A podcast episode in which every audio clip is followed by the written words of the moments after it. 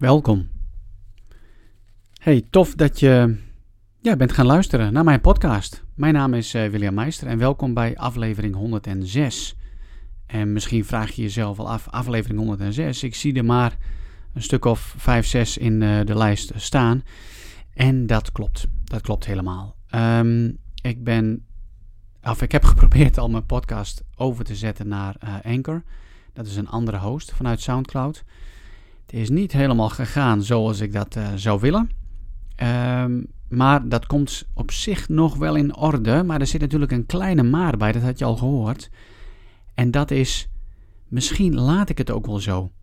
Ergens heb ik zo van, joh, die eerste podcast zoveel jaren geleden is zo lang geleden. En het was zo een andere William, om maar even zo te zeggen, qua fase van mijn leven, qua fase van mijn onderneming, qua fase van ja, dingen die er in mijn leven gebeurd waren.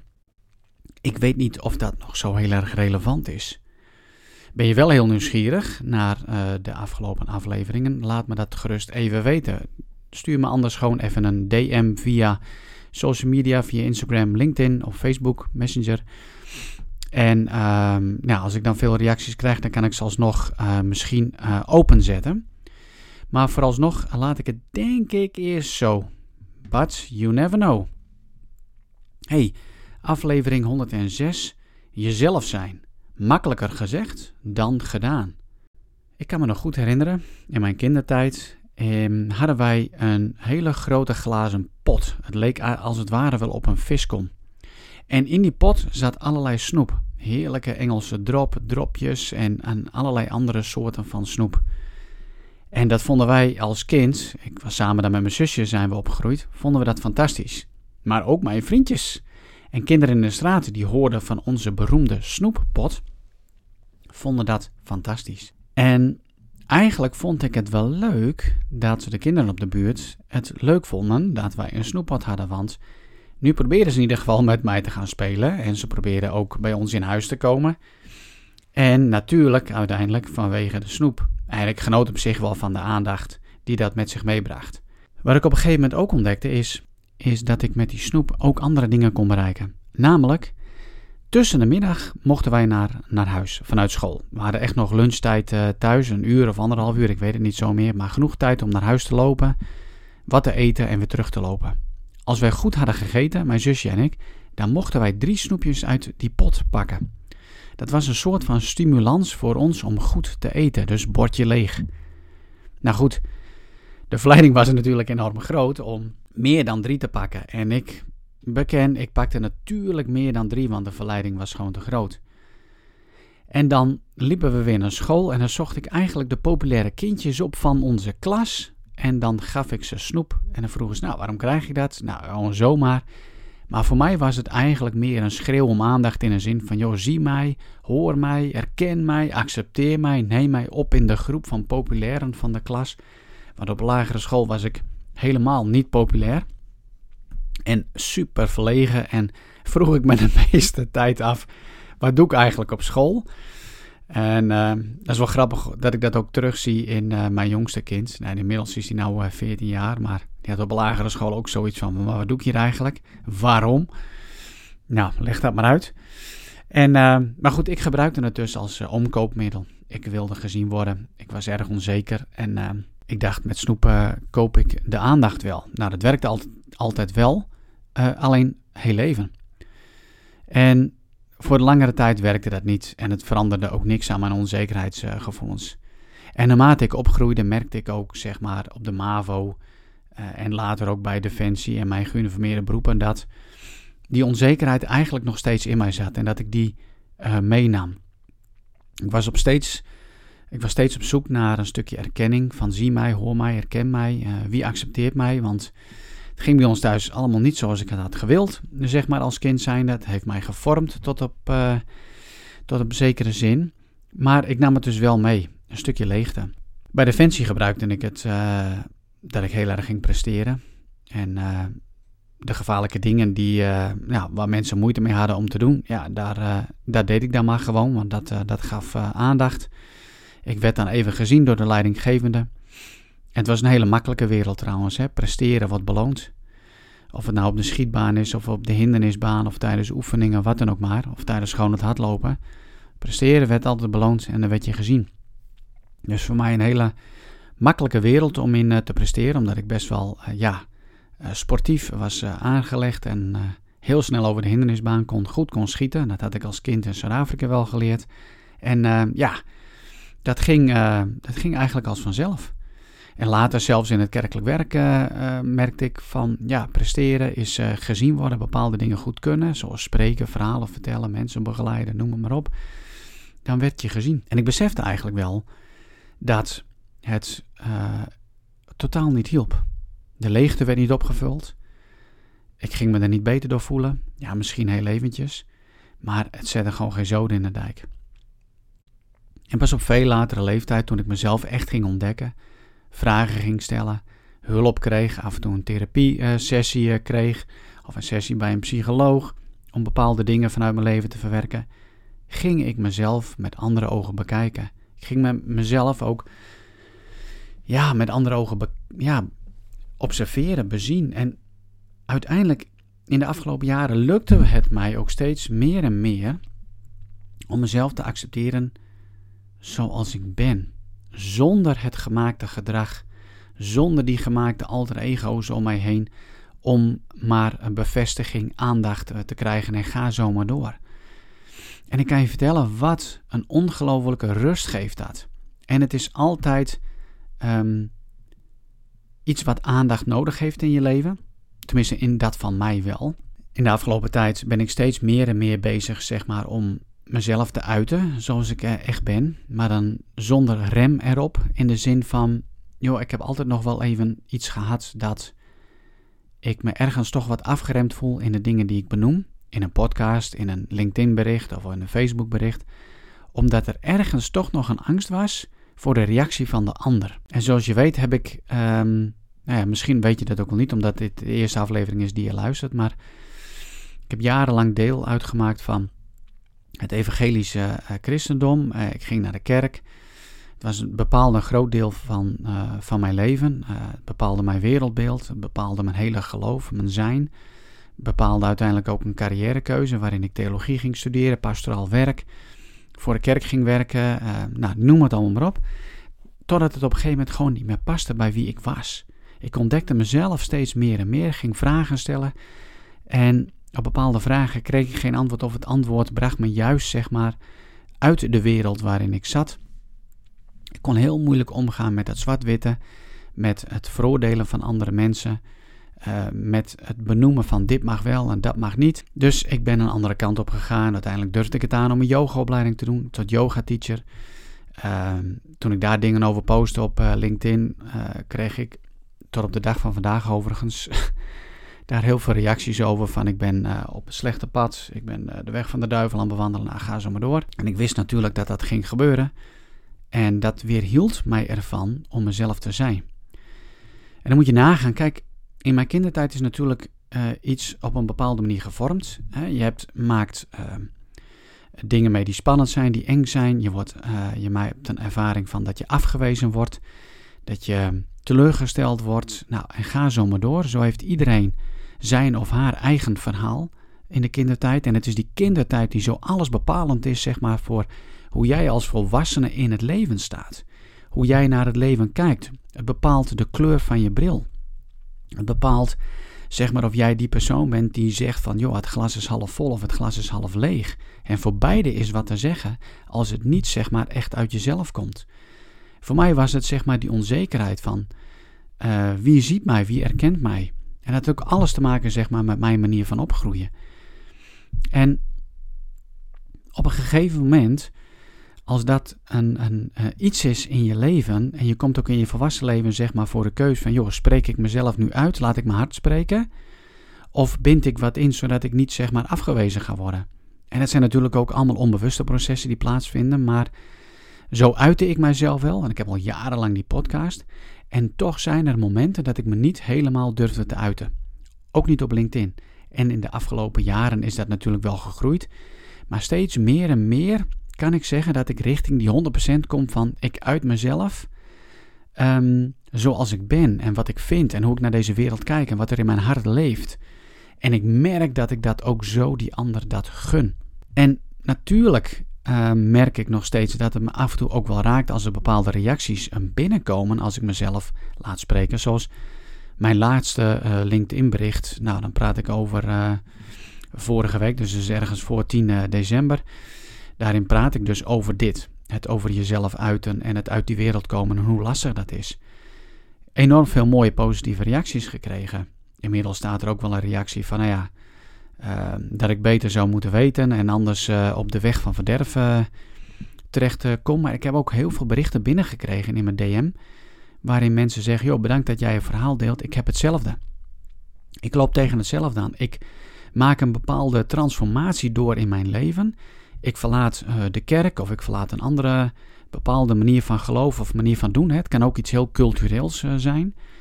En ik krijg daar door uh, heel veel commentaar van anderen. Ik krijg oordeel over me heen. En ik heb het wel eens vaker gezegd in mijn podcast. Kijk, jezelf ontdekken, jezelf zien, jezelf erkennen, jezelf omarmen, van jezelf houden, zorgt ervoor dat je steeds meer jouw authentieke, originele zelf bent.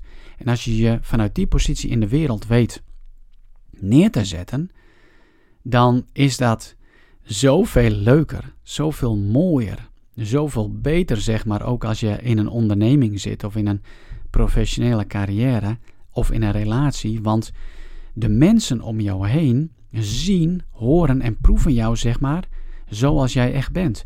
En hebben dan ook de gelegenheid om daarop te reageren uh, op dat stukje echtheid wat jij laat zien. En de mensen die dat kunnen waarderen, die zullen naar jou toetrekken. En de mensen die ja, misschien wel gespiegeld worden of dat niet kunnen waarderen, omdat jij zeg maar aan hun veiligheid komt om ergens uit te stappen, of een vinger op een zere plek legt of whatever, ja, dan zul je meer oordeel gaan ervaren. Dus hoe meer jij jezelf wordt, hoe meer oordeel jij over jezelf uh, krijgt. Afroep zou ik bijna zeggen, maar het is natuurlijk altijd de ander die dat bepaalt. Maar op het moment dat jij jezelf ontdekt, jezelf omarmt, gegrond bent in wie jij bent, joh, dan maakt het eigenlijk niet zoveel uit wat die ander zegt. Want om eerlijk te zijn, ik was gevoelig voor de mening, oordeel van een ander, als ze me daarop aanspraken, omdat ik mezelf ergens nog veroordeelde en niet ten volle accepteerde. En op dat moment dan kan, kunnen de woorden van een ander ingang vinden in jouw hart. Maar op een gegeven moment, als jij het proces doormaakt van ja, jezelf zien en van jezelf houden en accepteren en vanuit die hoedanigheid het leven aangaat, dan maakt het eigenlijk niet zoveel meer uit wat een ander zegt. En zul je zien dat je steeds meer en meer die mensen om je heen verzamelt die bij je past. Sterker nog, ik ben ervan overtuigd dat jij je wereld kunt veranderen naar een veel betere plek en plaats door jezelf te zijn van jezelf te houden en dat in de markt te zetten. En zeker als je een ondernemer bent, zeker als je een kennisondernemer bent, zeker als jij afhankelijk bent van bepaalde, eh, dat je op een bepaalde manier in social media moet, moet neerzetten, kies dan voor het origineel, voor jouw blauwdruk en laat dat spreken. Maar goed, om daar te komen heb je natuurlijk eerst wat nodig, namelijk en het verlangen om dat te willen. Het hoeft niet, hè? Uh, we leven uh, in vrijheid op zekere hoogte en jij mag kiezen. Maar als je dat verlangen hebt, zul je dus op zoek moeten en in kaart mogen brengen, moeten brengen, hoe jij nu leeft en hoe jij je keuzes maakt. Of anders gezegd, wat de kleur van jouw bril is. Alles staat en valt met perceptie. Hoe kijk je naar het leven? En uh, wat zijn jouw overtuigingen? Heb je opbouwende overtuigingen? Heb je belemmerende overtuigingen? Wat voor panzer heb je om je heen gebouwd? Kijk, als wij als kind gekwetst worden, als wij in gevaar komen, als we nare en vervelende dingen meemaken, tot en met teleurstellingen naartoe, en soms hoeft dat maar één moment te zijn in jouw kindertijd, dan kan het zijn dat je een panzer hebt opgebouwd. Hoe gaaf zou het zijn als je dat panzer zou kunnen zien, zou kunnen verklaren, als je daar behoefte aan zou willen hebben? En hoe gaaf zou het zijn om daarvan af te komen, zodat er ruimte ontstaat om gewoon jezelf te zijn? Ik ben ervan overtuigd dat als je meer geluk wil ervaren in je leven, momenten van geluk, van, van vrede, van, ja, hoe moet ik dat zeggen? Homeostasis, uh, misschien met een lastig woord. Um, als je meer rust wil, als je meer van betekenis wilt zijn, als je misschien meer succes op een bepaalde manier wil, ja, dan is het echt aan te raden om jezelf te ontdekken, jezelf te zien, te erkennen, te omarmen en vervolgens jouw verhaal, jouw boodschap de wereld in te helpen. Want wij zijn als mensen allemaal uniek. Dat alleen al is een groot wonder.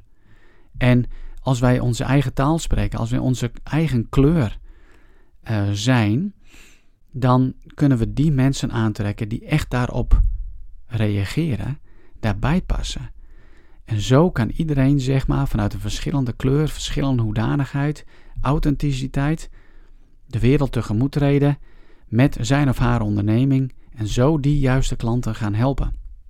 En als we dat allemaal zouden doen, joh, dan, dan, dan gaat de wereld, dan gaat deze wereld veranderen. Afgelopen jaar, nou, best een hele intens jaar geweest, een prachtig mooi jaar geweest qua uh, veranderingen, qua transitie. En ook een paar uitdagingen in dat bepaalde projecten niet doorgingen. En daar baalde ik in eerste instantie van, omdat het mij behoorlijk raakte in mijn omzet. Uh, uiteindelijk, als ik mezelf vragen ging stellen, joh, wat maakt dat dit gebeurt? En ik heb er misschien in een van de vorige podcasts daar wel wat over gezegd. Ja, weet je, dan kom je erachter dat als je jezelf de vraag stelt, die klanten die um, die af hebben gezegd of op een of andere uh, vage reden een project niet door lieten gaan, joh, dan kan ik alleen maar kijken en zeggen: zo goed passen ze nou ook niet bij me. En dat heeft alles te maken met wat ik heb uitgestraald. Wat is de energie? Wat is de frequentie waarop ik heb gezeten? Wat is de kleur geweest die ik heb uitgestraald en heb laten zien? En als dat niet congruent is met met je zielsmissie, met je hart, dan haken mensen vanzelf wel af. Of als je dat zelf ziet, dan kun je zelf nieuwe keuzes gaan maken. Dus het heeft mij weer tot een periode van reflectie gebracht. Onderzoek. Wat wil ik nu eigenlijk echt? Waartoe ben ik echt? En hoe kan ik van betekenis zijn in deze wereld? En als ik een toverstok zou krijgen om iets in deze wereld te veranderen, wat zou dat dan zijn? Nou, dit onder andere. Dat we veel meer onszelf mogen gaan ontdekken en omarmen en mogen zijn, zonder bang te zijn wat een ander daarvan vindt. Dat jij jouw verhaal mag gaan doen, wat het ook is. En het werkt. Goede vriend en vriendin van mij, Pieter en Annemieke Tissink. Um, Pieter Hens en Annemieke Tissink moet ik eigenlijk zeggen. Die eh, zijn een podcast begonnen, uh, de Dementie uh, podcast voor. Ik zal wel even de, de podcast in de shownotities uh, zetten. Dan kun je gaan luisteren als je dementie in een familie hebt. En die zijn gewoon naar hun hart gaan luisteren. En die zijn vanuit hun hart gaan spreken. En dat heeft een hele complete nieuwe wereld voor ze geopend. En dat laat zien dat als jij gewoon eerlijk durft te zijn, vanuit je hart durft te spreken, je kwetsbaar durft op te stellen, niet bang bent zeg maar, van wat een ander daarvan vindt en of denkt, maar gewoon jouw koers trekt. Hoe gaaf is dat dan? Ik kreeg een hele leuke uh, een berichtje van een, uh, iemand waar ik ooit mee heb samengewerkt. Dat was binnen een heel groot uh, project van Jumbo distributiecentra's landelijk. Mochten we voor nou, bijna een jaar lang zeg maar een hele change traject te doen. En ik denk niet dat hij het heel erg erg zou vinden als ik zijn naam zou noemen. Zijn naam is Jan, Jan Fuchs. En hij had een heel leuk commentaar zeg maar onder mijn ehm, laatste bericht op LinkedIn gezet. Nou moet ik hem even opzoeken. Uiteindelijk eindigt zijn berichtje met: Do not follow where the path may lead you. Go instead where there is no path and leave a trail. Ja, dat mogen we gaan doen toch? Dat mogen we gaan doen. Hoe gaaf is dat? Alleen dat vergt, dat vergt ook even tijd om jezelf dus te gaan onderzoeken. Het vergt ook moed om jezelf te kunnen en durven zijn. Dat is iets waar ik je heel graag bij zou willen helpen. Wil ik je inspireren. En als ik het niet ben, dan heel graag een ander. Maar ga die weg bewandelen. Ontdek jezelf, want ik ben ervan overtuigd dat jij, degene die nu luistert, iets te zeggen hebt wat deze wereld nodig heeft. Je ziet dat onze wereld echt in transitie is. Het is gaande. We nemen niet meer genoegen met hoe het altijd ging. Het botst. Het lijkt wel, zeg maar, en dan noem ik het even het kwaad. Um, steeds groter toeneemt, maar aan de andere kant, het goede neemt ook steeds meer en meer toe. Er is verandering gaande. En om die verandering door te zetten de goede kant op, hebben we meer mensen nodig. Meer ondernemers met scheppingskracht die vanuit hun ware zijn durven te gaan creëren in deze wereld. En ik weet zeker dat jij daar ergens ook een verlangen voor hebt. En het jaar is nu bijna ten einde. 2023 staat voor de boeg. Staat voor de deur, moet ik eigenlijk zeggen. ik ben niet zo heel erg goed met die Nederlandse gezegdes en uitdrukkingen. Waarom niet vandaag beginnen met een intentie? Een intentie dat je verlangt naar jezelf, om jezelf te zijn. En uh, in het Engels zou ik zeggen: to become an original you, so you may create an original business. En um, joh, als het ergens de tijd voor is, dan is het nu wel. Wacht niet langer, want je, voordat je het weet, kijk je terug op je leven vanuit misschien ergens een verzorgingshuis of vanaf je sterfbed en denk je, haat ik maar, haat ik maar. Dat is het laatste wat je wil. Dat is toch het laatste wat je wil. Doe het voor jezelf. Doe het voor je kinderen. Doe het voor je kleinkinderen. En uh, ik beloof je een hele mooie reis. Beloof je hele mooie vruchten. Makkelijk? Nee, niet altijd even makkelijk. Uh, is het in één keer uh, jippekijee, ketskonijn en het gaat als uh, de brandweer? Nee, misschien bij de een wel, maar bij de meeste niet. Het is een proces van vallen en van opstaan. Maar oh, wat een mooi proces is het. En als ik dan zo terugkijk op het afgelopen jaar, wat ben ik dankbaar voor die klussen die niet zijn doorgegaan, die me weer hebben teruggebracht naar mezelf. Die me hebben laten reflecteren en me opnieuw zeg maar mijn waarden hebben mogen laten zien. Waar sta ik eigenlijk voor? En voor mij is het belangrijk om dat waarvoor ik sta, daar ook voor te blijven staan en dat altijd weer helder op mijn netvlies te hebben. Um, ja, dat, dat, dat heb je nodig, denk ik. En de wereld heeft het nodig. Ik denk dat ik het er zomaar even uh, bij laat. Ik uh, dank je voor het luisteren. Heb je vragen? Dan stuur me gewoon even een berichtje. Je mag ook een mail sturen naar contact.williammeister.nl Ik sta, uh, ben op Instagram, linken in de shownotities. LinkedIn, connect even met me. Volg me even op, op LinkedIn. Dan blijf je ook op de hoogte van mijn nieuwste inzichten en ontdekkingen die ik heel graag met je deel. Um, dat is ook onderdeel van mijn zielsmissie. Het leven te ontdekken en uh, de lessen die ik daaruit haal, om die te delen met anderen. Uh, zo ben ik mijn kleur en mijn geluid. Hey, dankjewel voor het luisteren en tot de volgende keer. Hoi hoi.